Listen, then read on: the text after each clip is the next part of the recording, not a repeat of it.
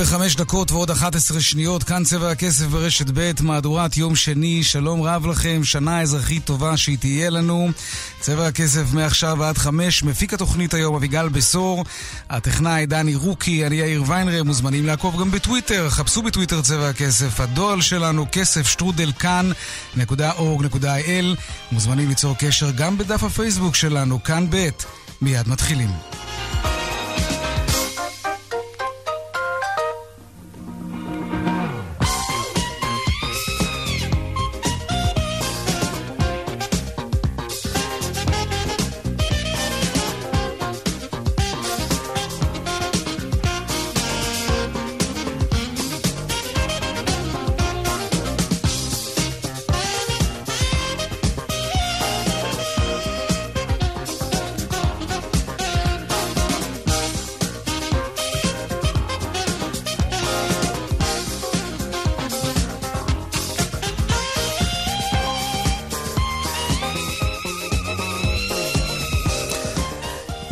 לפני יותר מ-50 שנה יצא חיים יבין ויעקב בן הרצל עם מחלקת התעודה של רשת ב' לבית שאן כדי להביא את הקולות של התושבים שם. השנה הייתה 1962, והייתה שם ילדה בשם יפה לוי, ילדה קטנה, והיא אמרה לעיתונאים משפט שהרעיד אז את המדינה ממש באותם הימים. היא אמרה להם, אני רעבה, אני רעבה. מדוע את אינך אוכלת כאן? אבא שלי אין לו במה לשלם. אין לו במה לשלם אפילו חצי לירה לחודש. הולך. כמה אחים ואחיות יש לך? 12. מה עושה אבא שלך? עובד בטוריה. בנורית. אל תנענעי בראש, תגידי כשלא רואה. כן. אנחנו לא רואים אותך, אנחנו רק שומעים אותך. כן. תגידי לי, מה את אוכלת ביום? מה שיהיה אני אוכלת. למשל, מה אכלת לארוחת צהריים אתמול? תפוחת אדמה. זה הכל? ומה אכלת לארוחת ערב אתמול? זה תה ולחם. ארוחת בוקר אכלת גם כן אתמול? תה גם ולחם. תה ולחם לארוחת בוקר, תפוחי אדמה לארוחת צהריים, זיתים ולחם לארוחת ערב, בת כמה את? 12. ואת רעבה? בדרך כלל. כן. עמוס עוז שהלך אה, בסוף השבוע לעולמו והובא למנוחות לפני שעה קלה התייחס לילדה הזאת פעם וכך הוא אמר מתפתח כאן בישראל אגואיזם גס ובוטה שאפילו לא מתבייש בעצמו. לפני שנים רבות ילדה מבית שאן אמרה בטלוויזיה אני רעבה ואמות הסיפים רעדו. היום, אמר עמוס עוז, גם אם היא תמות מרעב בשידור חי לא יקרה כלום חוץ מרייטינג גבוה. זה מכאיב מה שהוא אמר אז עמוס עוז וזה מכאיב עוד יותר כשהוא כבר לא יהיה כאן להגיד לנו לפעמים את האמת בפרצוף.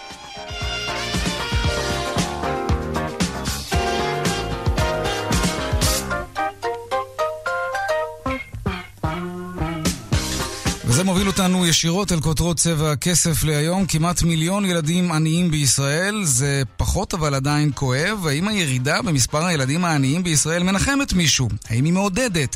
נדבר על זה עוד מעט. בוועידת כלכליסט כולם דיברו היום על הגירעון, על האוברדרפט של המדינה. איך יוצאים ממנו, והאם יש מי שבכלל רוצה לצאת עכשיו מהגירעון כשעוד רגע בחירות? לא בטוח.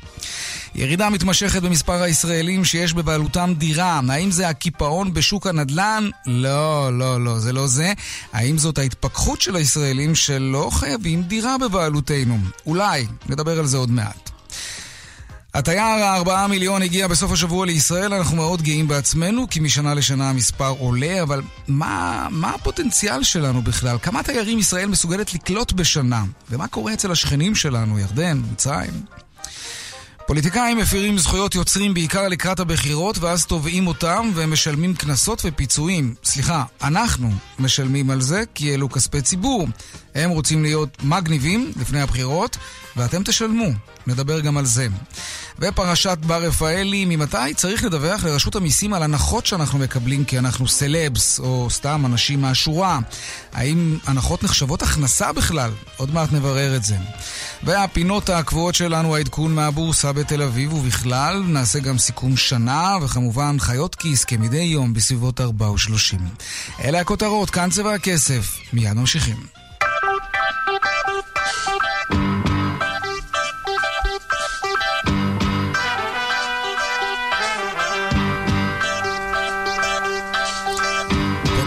דוח העוני בישראל, פחת שיעור הילדים העניים בשמונה עשיריות האחוז, ומספרם מעט יותר מ-814 אלף ילדים שחיים מתחת לקו העוני, כמעט מיליון ילדים.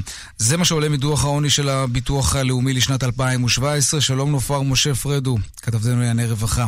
כן, אז uh, אנחנו באמת מדברים על ירידה מתונה בשיעורי העוני בישראל. כעשירות אחוז. אגב, על פי השיטה של ה-OECD, כן. אנחנו בכלל נמצאים בעלייה בשיעורי העוני, 아, כן. אה, בהשוואה לשנה שעברה. Mm. אז באמת בישראל אה, חיות היום כיום כחצי מיליון אה, משפחות עניות. אנחנו רואים שיפור בעיקר בקרב האוכלוסייה העובדת, אבל השורה התחתונה של הדוח הזה היא שמי שעני הפך לעני יותר. אנחנו רואים עלייה, באמת, אנחנו רואים מרחק גדול יותר של האנשים העניים מקו העוני. אנחנו דיברנו היום על נושא... נושא הקשישים, אנחנו רואים עלייה אה, של עוני בקרב אה, הקשישים. בואו נשמע את מאיר שפיגלר, מנכ"ל ביטוח לאומי, על הנושא הזה. כתוצאה מכך שקצבאות הזקנה לא צמודות לעלייה ברמת החיים, אותם אזרחים קשישים נותרים מאחור, וכתוצאה מכך מצבם הופך להיות רע יותר.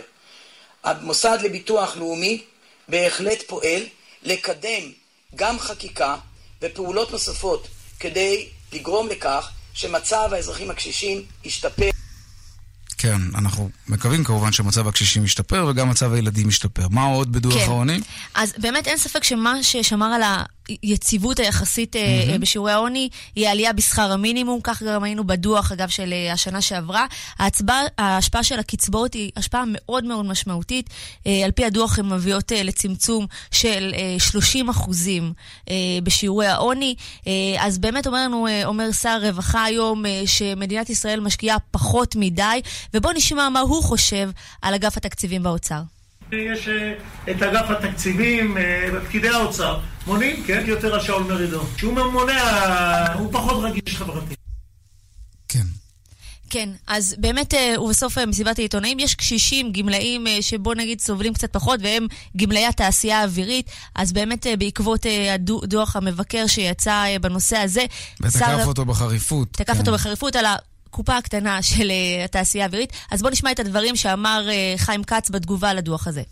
אני לא קורא בדוח המבקר שום דבר, חוץ מזה שהצלחנו בוועד העובדים לא לשרוף כסף, לשמור כסף לבן ליום שחור, לא נעשו שום עבירות בכסף, עונש גדול שבן אדם צובר כסף ליום שביתה אם יצטרך שיהיה לו, שום בזבוזים, שום מותרות, שום כלום. חסכנו כסף רחמנא ליצלן. אנחנו לא מתביישים שאף עובד תעשייה אווירית, אזרח ותיק, הוא לא מתחת לקו העוני. אני לא מתמודד עם כלום.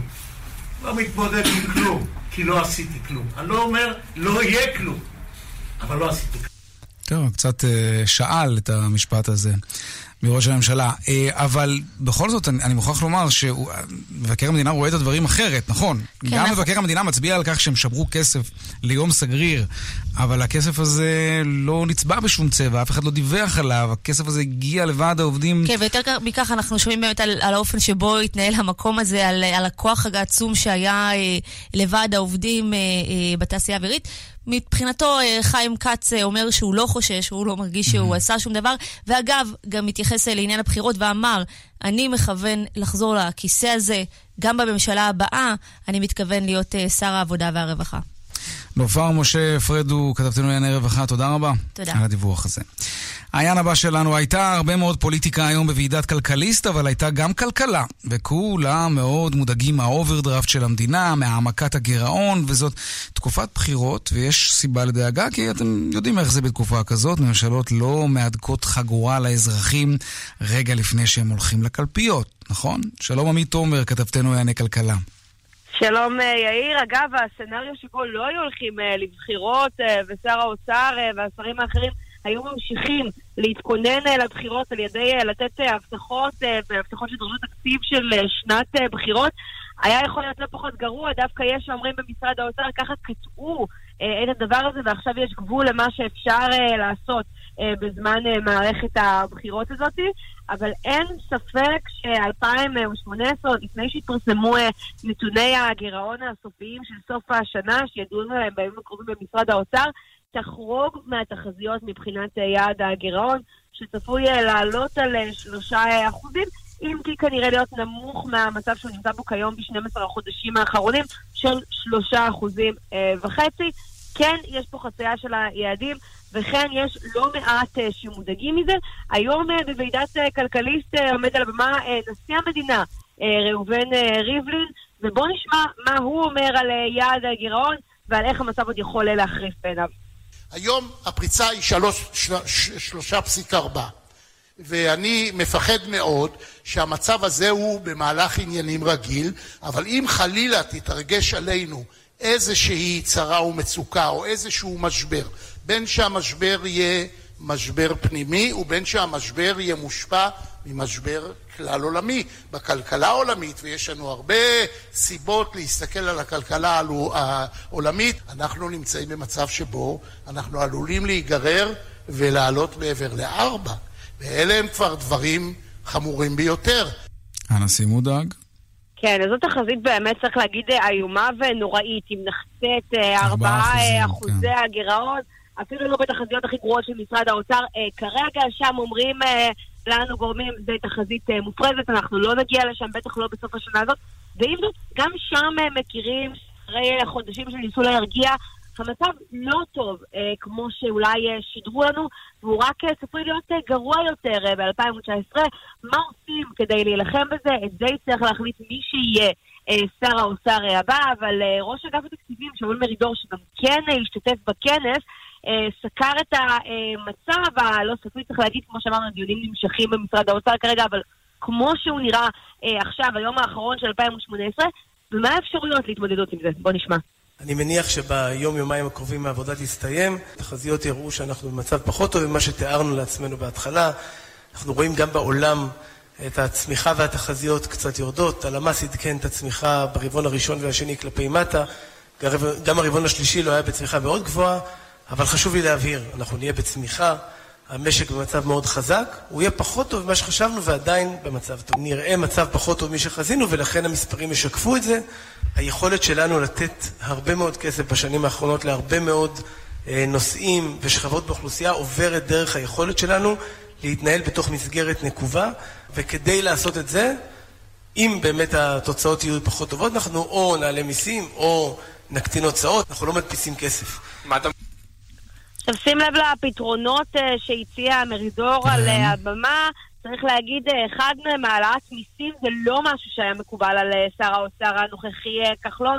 הוא סירב לעשות את זה, ואפילו דיבר גם כשהמצב כבר התחיל להידרדר על רצונו הגדול מאוד לעשות איזושהי הפחתת מיסים, בנוסף לכל מיני מכסים שהפחית במסגרת תוכניות הנטו שלו. הפחתת מיסים כבר לא על הפרק, כמו שהמספרים נראים כרגע. העלאת מיסים זה תלוי במדיניות הממשלה הבאה. אם לא, המחיר כנראה יהיה באמת קיצוץ בהוצאות. נזכיר, רק עכשיו עברנו קיצוץ רוחבי של למעלה ממיליארד שקלים רק השנה, זה קיצוץ אדיר. ב-17 השנים הקרובות כדי לממן את הסכם השוטרים, ככה שבאמת עושה רושם שב-2019 היא תהיה שנה של ויתורים קרובים או כאב אחר לכיס שלנו. אכן. עמית עומר, כתבתנו לענייני כלכלה, תודה רבה. תודה. נדל"ן עכשיו, למרות כל הטירוף הזה של שוק הנדל"ן והכמיהה הזאת לירידת מחירים כדי שנוכל לרכוש דירה במחיר שפוי, למרות כל זאת מתברר שהישראלים לאט לאט, אבל די בביטחון, כבר כמה שנים טובות מוותרים על רכישת דירה. אם בשנת 2000 עמד שיעור בעלי הדירות על 71 אחוזים, היום הוא עומד על כ-66 אחוזים, וזה מעניין. שלום עורך הדין שי עובד, מומחה למקרקעין. שלום רב. הירידה במספר בעלי הדירות אה, נובעת מזה שקשה לרכוש דירה, או בגלל שהתפיסה שלנו השתנתה? למרות שעדיין מדובר במספרים גבוהים מאוד כמובן. אני חושב שהתפיסה של הציבור בישראל לא תשתנה, לא. מעדיפים לרכוש, רק השאלה היא אם הם מסוגלים לעשות זאת נוכח המחירים המטורפים שקיימים היום בשוק.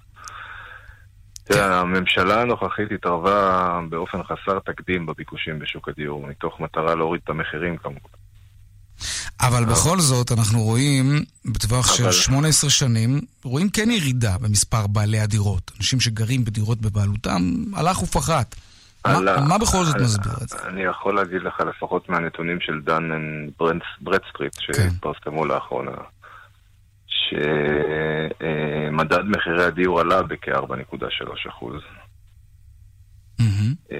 אבל מצד השני, הדיווח של הלשכה המרכזית לסטטיסטיקה לפני שבועיים היה שמחירי הדירות רשמו ירידה שנתית של כמעט 2%.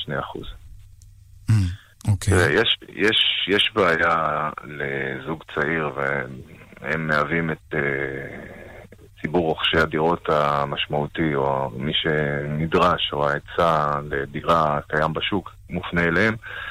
יש בעיה לזוג כזה להיום, למצוא לפי המשכנתה, דרישת המשכנתאות היום, 25% הון עצמי כדי להתחיל את הגלגל הזה. אם עד היום היית צריך אה, 156, 170 משכורות אה, לרכוש דירה, אז היום אתה צריך 200 ומשהו משכורות. כן, הון עצמי הרבה יותר גבוה. מעבר להון העצמי, גם יכולת לעמוד בנטל. כי משכנתה לא תפתור את הבעיה לזוג צעיר שמשתכר ב-6,500 שקל לקנות דירה במיליון וחצי שקל. זה נכון. כן, טוב, תלוי בפריסה, תלוי כמובן באמת מה מחיר הדירה. אבל אני מוכרח להגיד לך שלפני, נדמה לי שבועיים, כן, זוגתי ואני עשינו איזשהו חישוב מה היה קורה אם לפני 20 שנה, כשקנינו את הדירה, היינו מחליטים שאנחנו לא קונים דירה, אלא שוכרים. אם היינו שמים נגיד את הסכום ההתחלתי שלנו בשוק ההון, איזו תשואה הכסף הזה היה עושה לעומת התשואה שהדירה שקנינו, עם משכנתה כמובן, עשתה עד היום.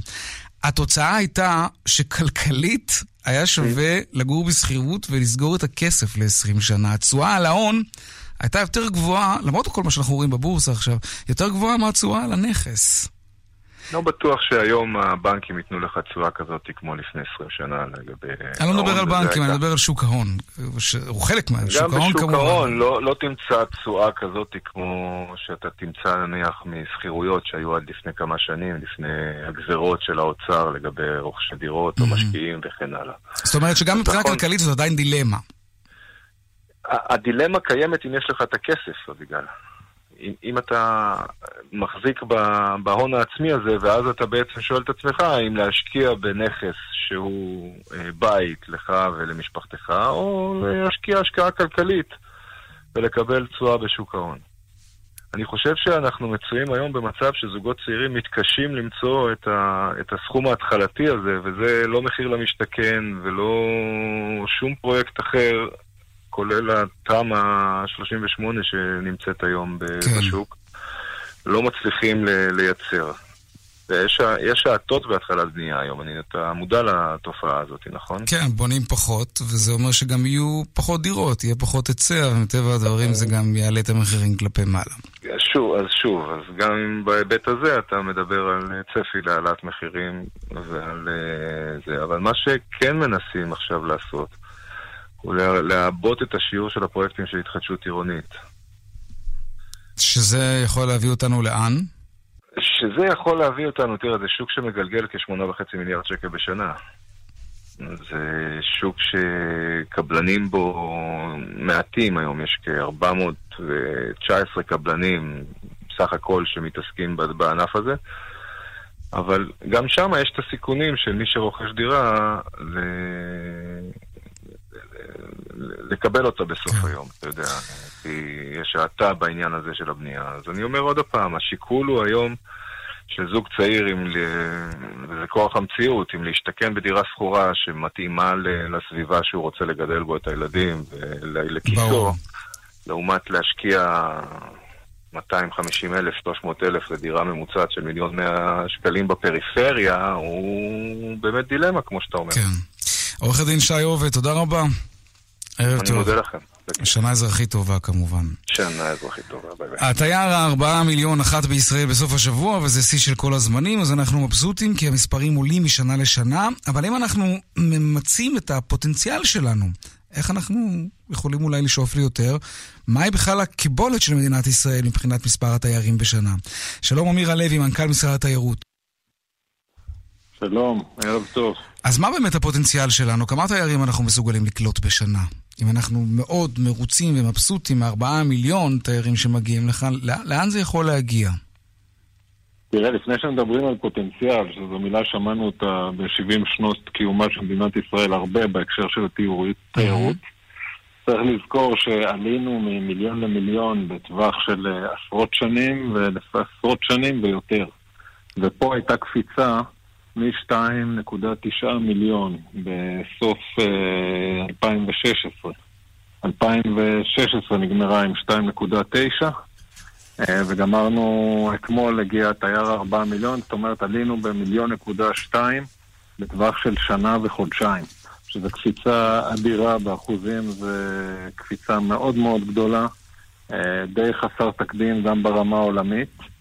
ואני חושב שקודם כל צריך לראות את הצד הזה, שאחרי אה, באמת הרבה שנים של דיבור על פוטנציאל, ראינו באמת שאפשר לעשות את זה.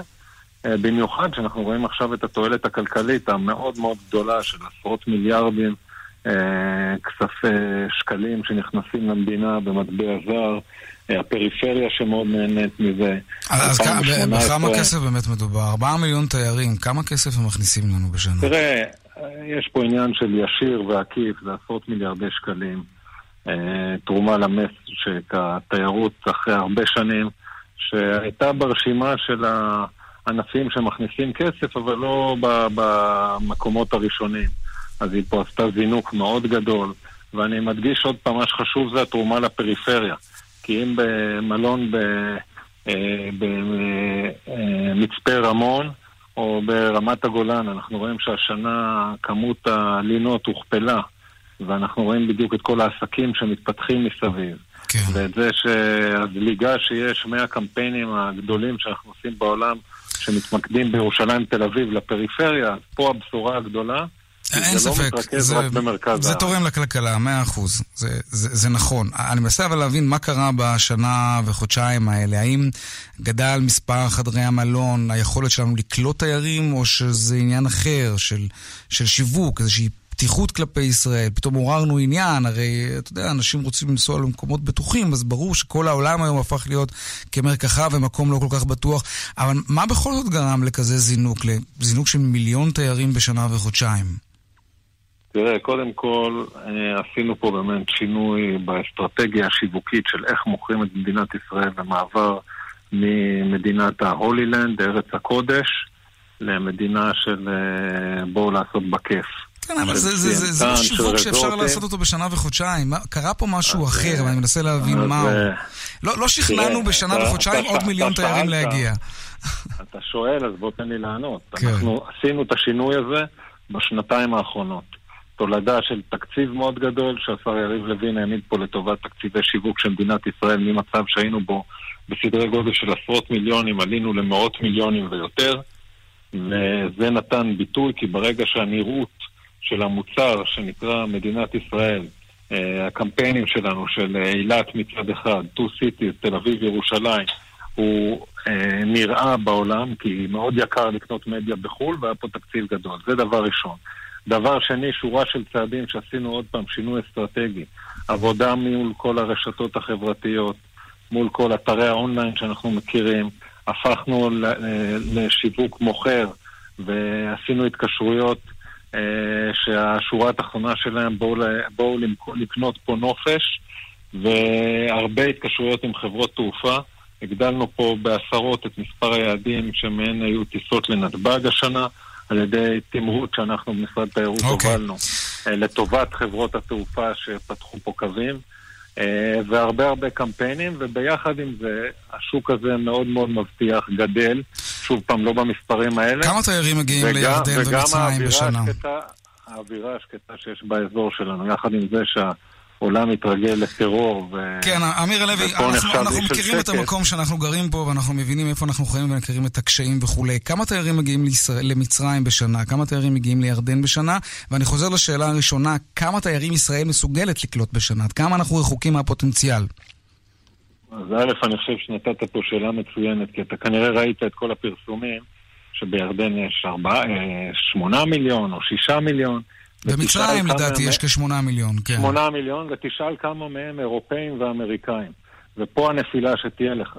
אנחנו מדינה שאין לה גבולות פתוחים, תיירים מגיעים לפה בעיקר במטוסים, לכן גם המספרים שאתם רואים אה, של מדינות ערב מסביבנו, יש כאן יותר תיירים, תיירות אמיתית שבאה לפה ומגיעה מסין ומהודו במספרים מאוד גדולים, הם מאוד גדולים מארצות הברית שאנחנו פה במספרים שלפני כמה שנים נשמעו דמיונים שאנחנו נהיה סביב מיליון תיירים מארצות הברית שמשאירים פה בביקור בערך אלפיים דולר כל אחד. אה, סין שעשינו קפיצה כזו גדולה. כך שהגידול, כמה שהוא נראה שמסביבנו יש עוד מדינות עם תיירות, אל תשווה את זה, זה הרבה פחות, וזה הרבה תיירות מוסלמית שם. טוב, היינו שמחים לתיירות כזאת גם, לא? מאוד גאים למה שיש לנו. יחד עם זה, יש הרבה מאוד אתגרים של עוד כן. מקומות לינה, שאנחנו במשרד תיירות עובדים חזק מאוד, מרמת האוהל עד רמת הסוויטות. כן. יהיה פה הרבה מקומות לתיירים. אה, חוויית התייר צריכה, צריך כל הזמן לחשוב... עוד מעט אירוויזיון. על כמה תיירים אנחנו מדברים שיגיעו לפה? תראה, הערך המוסף הגדול של האירוויזיון הוא הדימוי, החשיפה שהמוצר הישראלי מקבל, למרות שכנראה שיגיעו לפה הרבה מאוד תיירים. אבל היה לנו השנה גם את הג'ירו, זה אירועים שעושים לנו מאוד מאוד טוב לדימוי של מדינת ישראל. אומרים שלא יהיו מספיק חדרי מלון לתיירים שיגיעו לאירוויזיון, זה נכון? לפני כמה שבועות שוחחנו כאן בצבע הכסף עם מהנדס העיר תל אביב, שאמר שיכול להיות שתהיה בעיה באזור תל אביב, והוא ביקש אישורים להקים איזושהי עיר אוהלים בפארק הירקון כדי לאפשר תיירות לואו-קוסט אה, מהסוג הזה, והוא לא מקבל לכך אישורים. אתה לא מודאג שתיירים שירצו להגיע לאירוויזיון ולא יהיה להם איפה לישון? אז אני חושב שאנחנו פה, יחד עם עיריית תל אביב, כבר שנה עשינו הרבה מאוד אה, חשיבה וסיורים.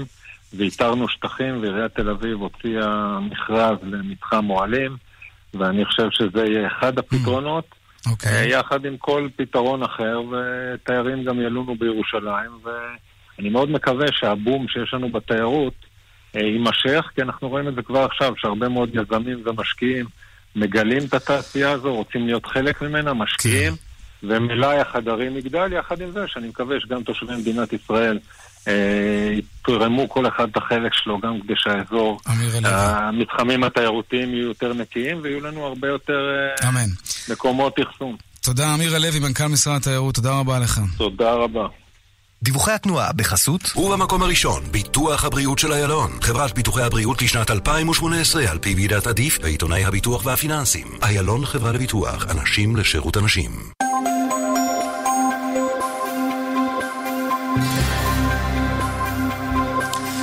ואלו הם הדיווחים מכאן, מוקד התנועה באיילון דרום העמוס ממחלף רוקח עד לגוארדיה, צפון העמוס ממחלף חולון ומקיבוץ גלויות עד מחלף קק"ל, בגאה הצפון העמוס ממחלף השיבה עד מחלף מסובים, וממחלף גאה עד מורשה, דרום העמוס ממחלף מורשה עד בר אילן. דיווחים נוספים בכאן מוקד התנועה כוכבי 9550 ובאתר כאן פרסומות ומיד חוזרים, חיות כיס כמובן. מיד חוזרים עם יאיר ויינרב. דלתות פנים פורצות דרך במחיר של דלת פנים רגילה. דלתות חמדיה, תתקדמו, דלתות. כפוף למחירון. היי, hey, כאן חנוך דאום. הרבה אנשים אומרים שאני פראייר. משהו בלוק שלי כנראה. אבל זהו, כבר לא. תכירו את חנוך החדש, חנוך האסרטיבי. לא, לא להגזים, אבל חנוך שעומד על שלו. זה שמפסיק להיות פראייר ומחליט לעשות ביטוח רכב בשירביט. היום אני נהנה מהשירות, מהמחיר, מהמקצועיות, כמו שתמיד חלמתי. עכשיו בשירביט מבצע סוף שנה. חודשיים מתנה בביטוח המקיף לרכב. חודשיים מתנה. כוכבית 2003 שירביט. כפוף לתנאי המבצע. 10, 9, 8, 30! מה 30? 30 אחוזי הנחה בא.ל.מ! אה, סוף שנה בא.ל.מ! 30 אחוזי הנחה על מגוון מוצרי חשמל ואלקטרוניקה! סוף שנה ב... כפוף לתקנון. יש עכשיו 50 אחוזי הנחה בקבוצת גולף? די, אז מה אני עושה ברדיו? קריין, תחליף אותי? מכירת סוף עונה בגולף, גולף אנד קו, גולף קידס, פולגת, אינטימה וכיתן. 50% הנחה על מגוון פריטים. גולף, כפוף לתקנון. הוא הגיע, הפורסטר החדש כבר כאן. והוא הגיע עם מערכת מולטימדיה מתקדמת, משולבת אפל קארפליי. ומנוע בוקסר עוצמתי, 182 כוחות סוס. ומ-179,990 שקלים. והנה הטלפון, כוכבית 6263, סובארו. הטלוויזיה לא עובדת? אנחנו נתקן מיד. מנסים למצוא רופא? ייצרו, הרופאה כבר בדרך. מחפשים טיול, הופעה, קונצרט, שקט נפשי, ביטחון אישי. כל זה הוא רק חלק ממה שאנו מעניקים לדיירים בדיור המוגן שלנו. כאן חיים ברקן, בואו לבקר בבית גיל פז, הדיור המוגן בכפר סבא. אני מאמין שתרצו להישאר. חפשו בגוגל בית גיל פז או התקשרו 1-700-55-70-80 שלום, בקשר לניסן בדוק שהתבלבלתם במחיר מיקרא. זה אמיתי? כן, מבצע לא ייאמן שזה המבצע בקל אוטו. מגוון רכבי 0 קילומטר, מ-499 שקלים לחודש ל-60 חודשים, ו-50 אלף שקלים הלוואה על מגוון רכבי יד ראשונה בלי ריבית, לשבועיים בלבד. כוכבית 6020. כפוף לתקנון באתר החברה, אי עמידה בפירעון ההלוואה עלול לגרור חיוב בריבית פיגורים והליכי הוצאה לפועל. היי, כאן חנוך דאום. הרבה אנשים אומרים שאני פראייר, משהו בלוק שלי כנראה. אבל זהו, כבר לא. תכירו את חנוך החדש, חנוך האסרטיבי. לא, לא להגזים, אבל חנוך שעומד על שלו. זה שמפסיק להיות פראייר ומחליט לעשות ביטוח רכב בשירביט. היום אני נהנה מהשירות, מהמחיר, מהמקצועיות, כמו שתמיד חלמתי. עכשיו בשירביט מבצע סוף שנה. חודשיים מתנה בביטוח המקיף לרכב. חודשיים מתנה. כוכבית 2003 שירביט. כפוף לתנאי המבצע. כאן רשת ב'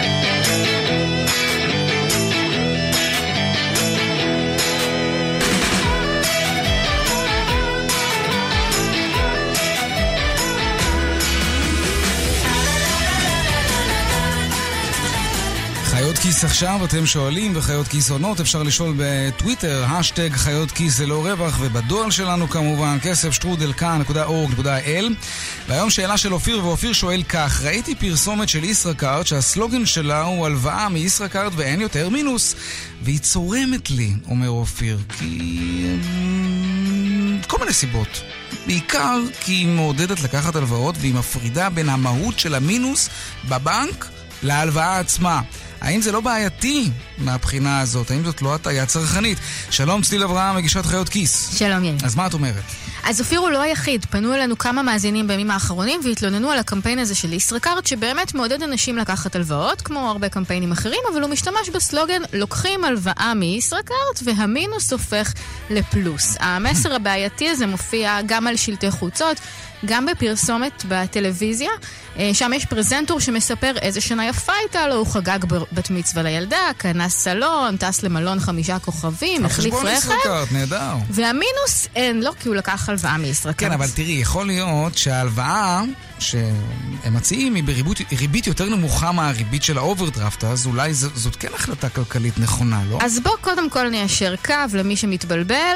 מינוס זה הלוואה מהבנק. נכון. אם אנחנו במינוס, יש לנו חוב. ואם במקום לקחת הלוואה מהבנק או להיכנס למינוס, לקחנו הלוואה מישראכרט או מכל חברת כרטיסי אשראי אחרת, אנחנו עדיין בחוב. פשוט העברנו את החור הזה מהמינוס בבנק לישראכרט. פה אנחנו בחוב ופה אנחנו בחוב ונצטרך לשלם ריבית בשני המקרים וזאת הסיבה שאנשים מתרכזים על הפרסומת הזאת כי היא באמת מנסה ליצור איזו אשליה אחרת. אז לא.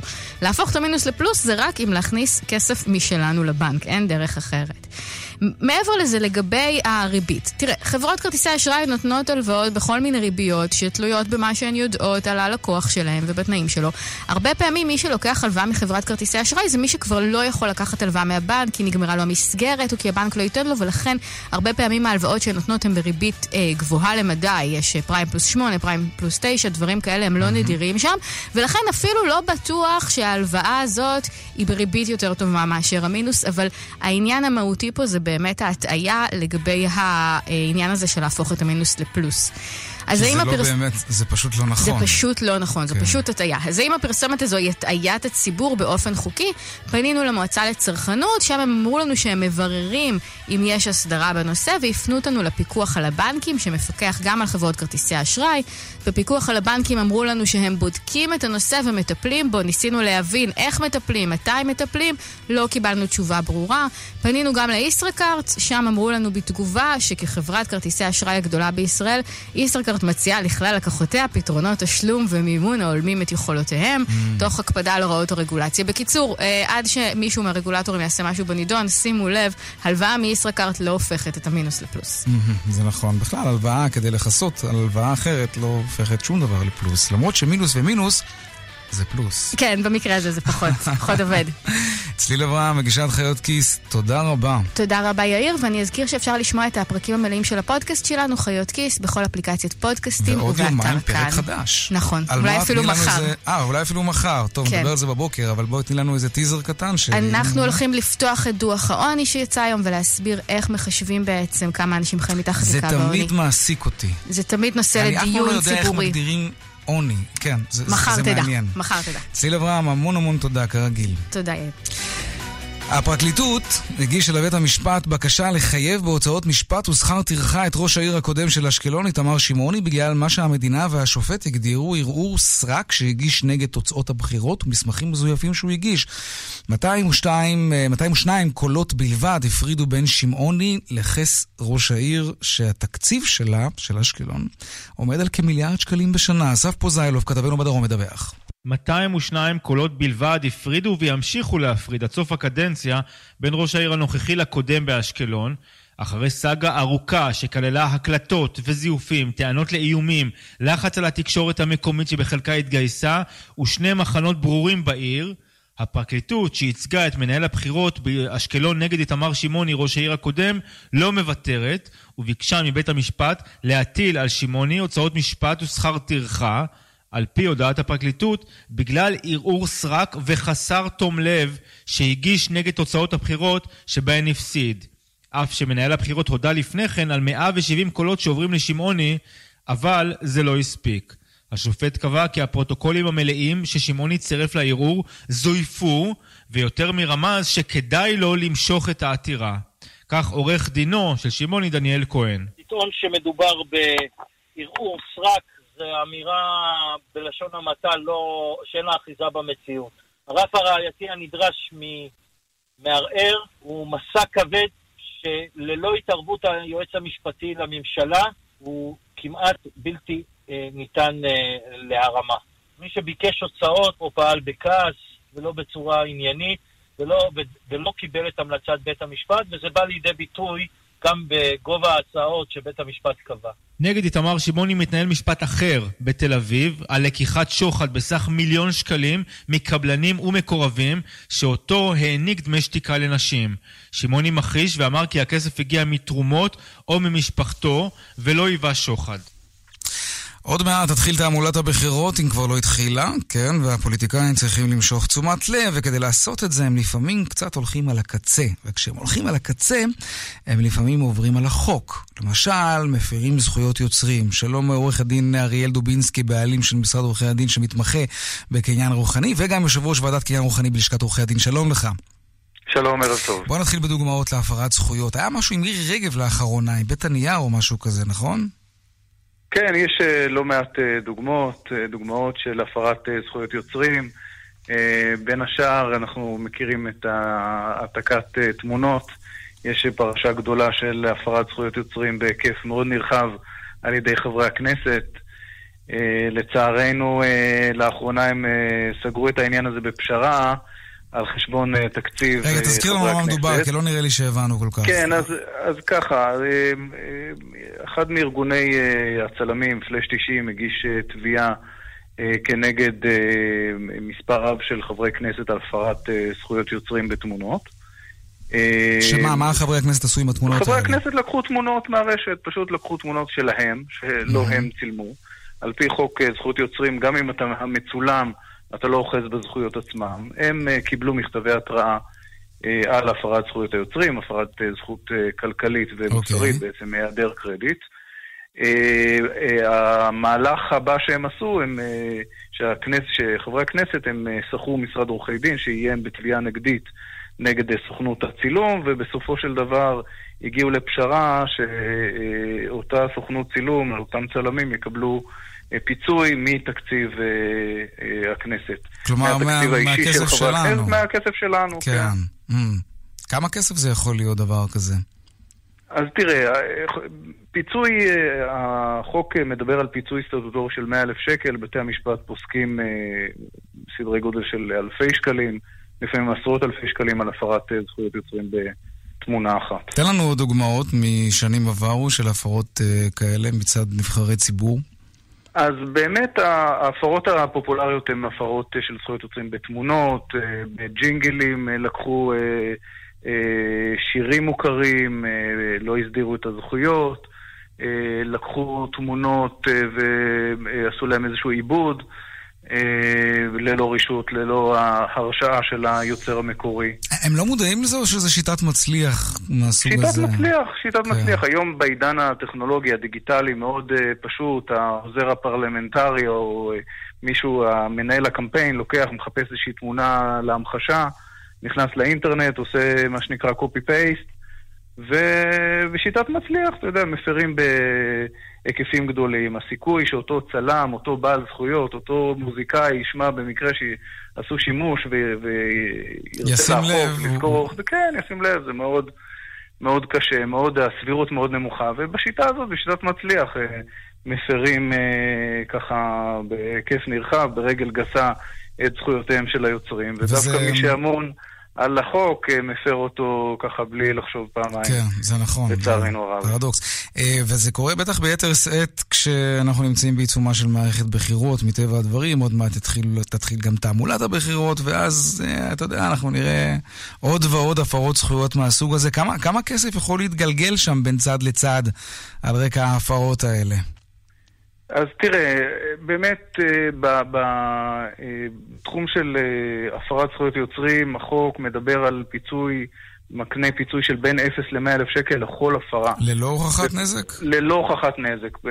כשהמטרה היא באמת לתת לשופט כלי משמעותי, תג מחיר אה, כן. מרתיע, כן, כדי שלא צריך עכשיו להגיד כמה, מה, איך ניזוקתי ומה ניזוקתי ומה הערך עד 100 אלף שקלים זה יכול להיות כמובן כן, פחות. Mm. יכול להיות פחות. בפועל, אני, ברוב המקרים הסכומים הם אה, נמוכים משמעותית, אבל עדיין יכול להיות כאן הפרה משמעותית. ובאמת בקצב של הבחירות ובקצב ש... אה, של, ה, של אה, שימוש בתכנים במדיה, זה הרבה, הרבה מקרים, כן. בהרבה מקרים אנחנו נתקלים בהפרות בככה... ומה שהכי מרגיז זה, כמו שאתה סיפרת קודם, שבסופו של דבר אולי מגיעים לפשרה וחברי הכנסת משלמים פיצוי או קנס, כן. וזה נכון. כמובן על חשבוננו. נכון, כן. ועוד מהלך שחשוב לציין, זה המהלך הדרמטי של, אה, יש עכשיו ניסיון לשנות את חוק זכות יוצרים ולהחריג את... את את חברי הכנסת. אוי, נהדר, כמה ש... נוח. כן. כן, מאוד נוח, מאוד נוח. זה חוקים פרסונליים ש... כן. עורך הדין אריאל דובינסקי, כן. הוא מומחה לקניין רוחני, יושב ראש ועדת הקניין הרוחני בלשכת עורכי הדין. תודה רבה. אני מודה לך, ערב טוב. ערב טוב. דיווחי התנועה בחסות ובמקום הראשון, ביטוח הבריאות של איילון. חברת ביטוחי הבריאות לשנת 2018 על פי ועידת עדיף ועיתונאי הביטוח והפיננסים. איילון חברה לביטוח, אנשים לשירות אנשים. ואלו שוב הדיווחים מכאן, מוקד התנועה באיילון דרום העמוס ממחלף רוקח עדיין עד לגוארדיה, צפונה ממחלף חולון ומקיבוץ גלויות עד מחלף קק"ל, בגאה צפונה עמוס ממחלף השבעה עד מחלף מסובים וממחלף גאה עד מורשה ודרומה ממחלף מורשה עד בר אילן, גם שם עמוס. דיווחים נוספים בכאן מוקד התנועה כוכבי 9550 ובאתר כאן פרסומות ומיד חוזרים. מיד חוזרים עם יאיר ויינרב. יש עכשיו 50 אחוזי הנחה בקבוצת גולף? די, אז מה אני עושה ברדיו? קריין, תחליף אותי? מכירת סוף עונה בגולף, גולף אנד קו, גולף קידס, פולגת, אינטימה וכיתן. 50 אחוזי הנחה על מגוון פריטים. גולף, כפוף לתקנון. היום, היום האחרון לסוף שנה במחסני חשמל. היום, היום האחרון לסוף שנה במחסני חשמל. עד גמר המלאי. יעלי, את במטבח? חיובי, צריך משהו? כן, אני אשמח לשתי כוסות מים. או שלוש, או חמש. עזבי, תביא שש. רוצים שגם בשנת 2019 המשפחה תשתה יותר מים? מבצע חורף בשטראוס מים. הזמינו אחד מברי המים תמי 4, ולאחר שלושה חודשים, אהבתם? תשאירו. לא אהבתם? תחזירו, ותוכלו לקבל את כספיכם בחזרה. כוכבית 6944 או באתר. בתוקף עד 31 בינואר 2019, כפוף לתקנון. למעט תשלום של 210 שקלים בעבור ההתקנה. על פי סקר TNS, מאי 2018. השיער שלי החל לנשור, החלו להיווצר מפרצים, והבנתי שאני פשוט מקריח. מחקר שפורסם בכתב העת המדעי מדריג' מצא שימוש במכשיר הריג'ן שפותח בישראל למען הסובלים מדלילות שיער, מסייע בעיבוי שיער קיים ובהצמחת שיער חדש. מה אומר לכם? אחרי ארבעה חודשים של שימוש ביתי קל ונוח, השיער התאבע ושיער חדש החל לצמוח. המלצה אישית, חפשו בגוגל שיער נולד, או התקשרו 1-800-665544. היום, היום האחרון לסוף שנה במחסני חשמל. היום, היום האחרון לסוף שנה במחסני חשמל, עד גמר המלאי. ביטוח משכנתה בבנק וביטוח משכנתה ב-AIG זה בדיוק אותו הביטוח. רק שהבנק לוקח בממוצע 40% עמלה. נו, כמה מפתיע. עברו בטלפון אחד ל-AIG, ביטוח המשכנתה הזול בישראל. תבדקו אותנו. 1-800-400-400 ל-500 אלף שקלים, כפוף לתנאי החברה. לקרוא ספר? קל. לקרוא שני ספרים? הכי קל. רק לקוחות כרטיסי אשראי של קל נהנים בסטימצקי משני ספרים שבמבצע ב-79 שקלים בלבד. כן, רק 79 שקלים, כולל ספרי ילדים, נוער, סיפורת, מתח ועיון. יש לכם קל? רוצו לסטימצקי.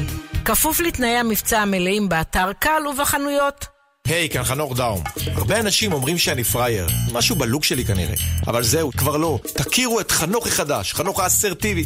לא, לא להגזים, אבל חנוך שעומד על שלו. זה שמפסיק להיות פראייר ומחליט לעשות ביטוח רכב בשירביט. היום אני נהנה מהשירות, מהמחיר, מהמקצועיות, כמו שתמיד חלמתי. עכשיו בשירביט מבצע סוף שנה. חודשיים מתנה בביטוח המקיף לרכב. חודשיים מתנה. כוכבית 2003 שירביט. כפוף לתנאי המבצע. היום, היום האחרון לסוף שנה במחסני חשמל. חשמל. היום, היום האחרון לסוף שנה במחסני חשמל. עד גמר המלאי. כאן רשת ב' תשע דקות לפני השעה חמש, עכשיו לעדכון היומי משוקי הכספים. 102 200, take them.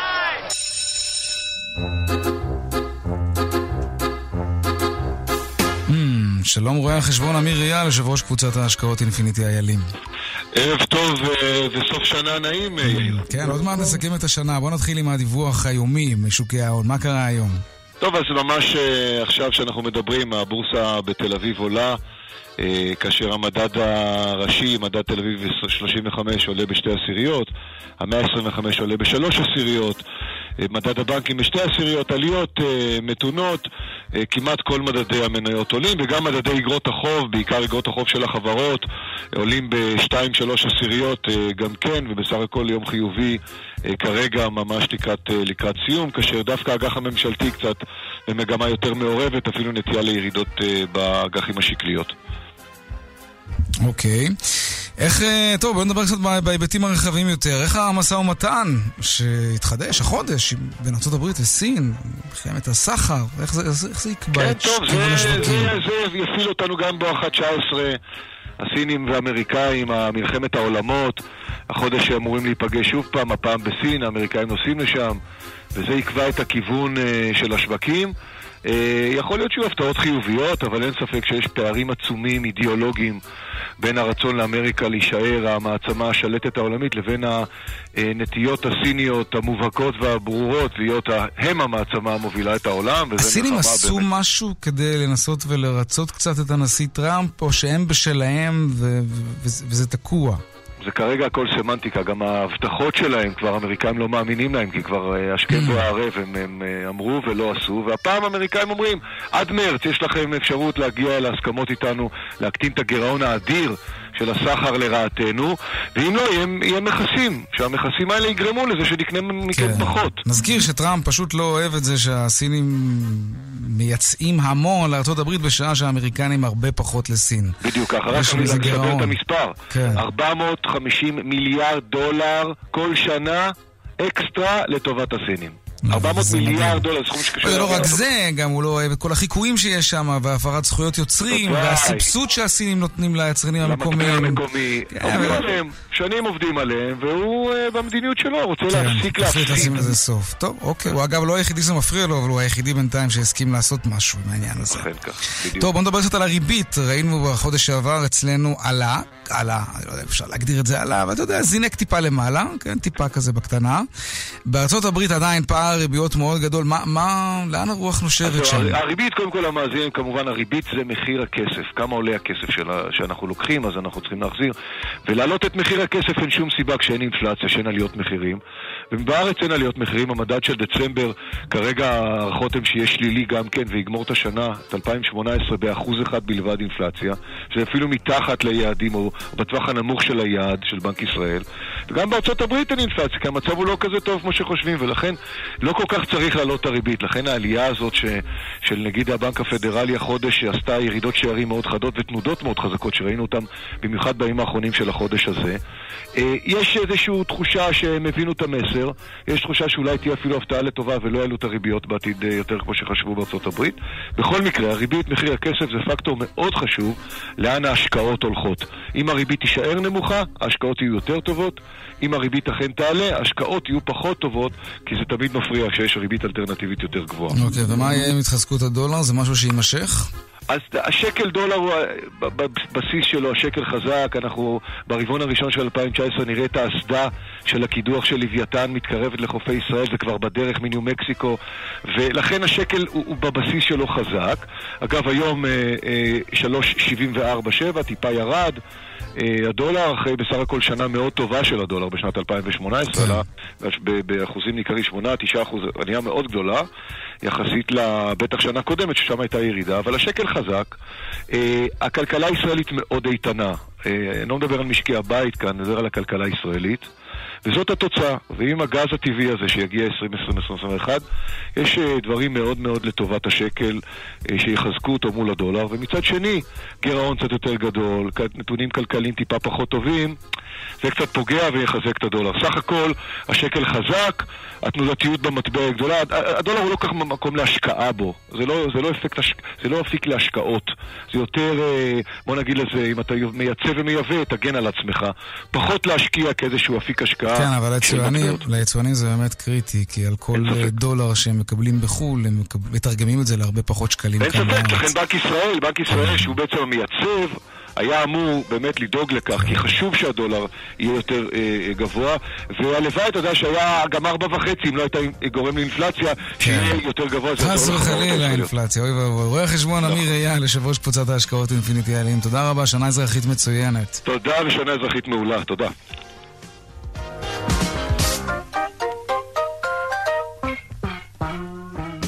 עד כאן צבע הכסף ליום שני, מפיק צבע הכסף היום אביגל בשור, הטכנאי יאיר ניומן, אני יאיר ויינרי, מוזמנים לעקוב גם בטוויטר מיד אחרינו, כאן הערב עם רונן פולק ואמיליה מרוסי, ערב טוב ושקט שיהיה לנו, שנה אזרחית מצוינת שתהיה לנו, שלום שלום.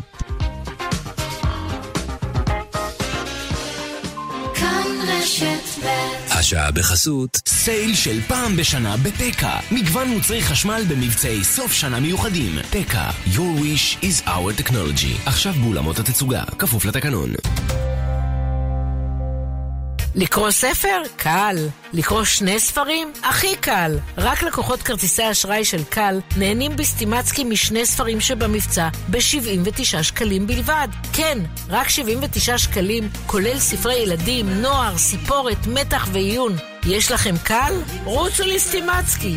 כפוף לתנאי המבצע המלאים באתר קל ובחנויות. מאות אלפי ישראלים שמתמודדים עם בעיות רפואיות לא מקבלים קצבה. אולי גם אתה אחד מהם? אל תוותר על מה שמגיע לך.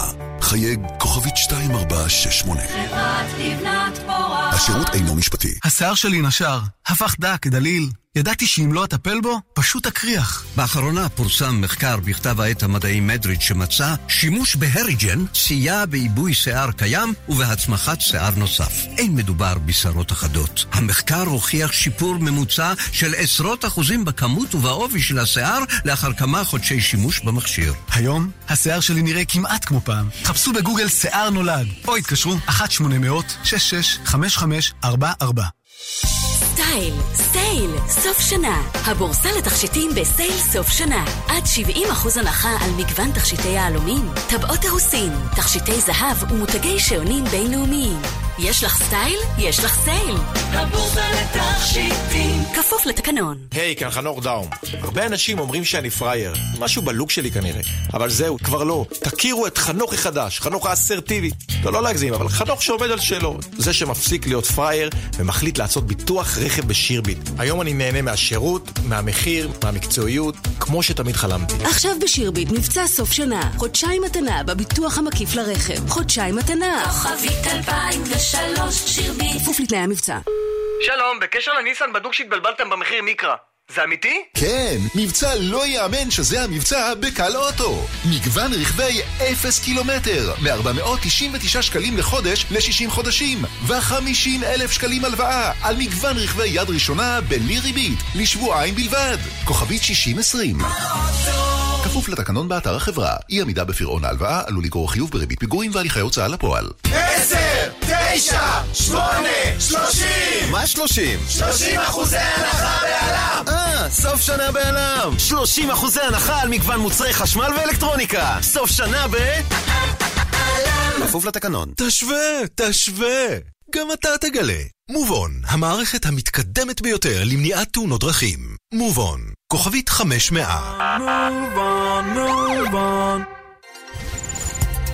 אתם מאזינים לכאן רשת ב'. כאן רשת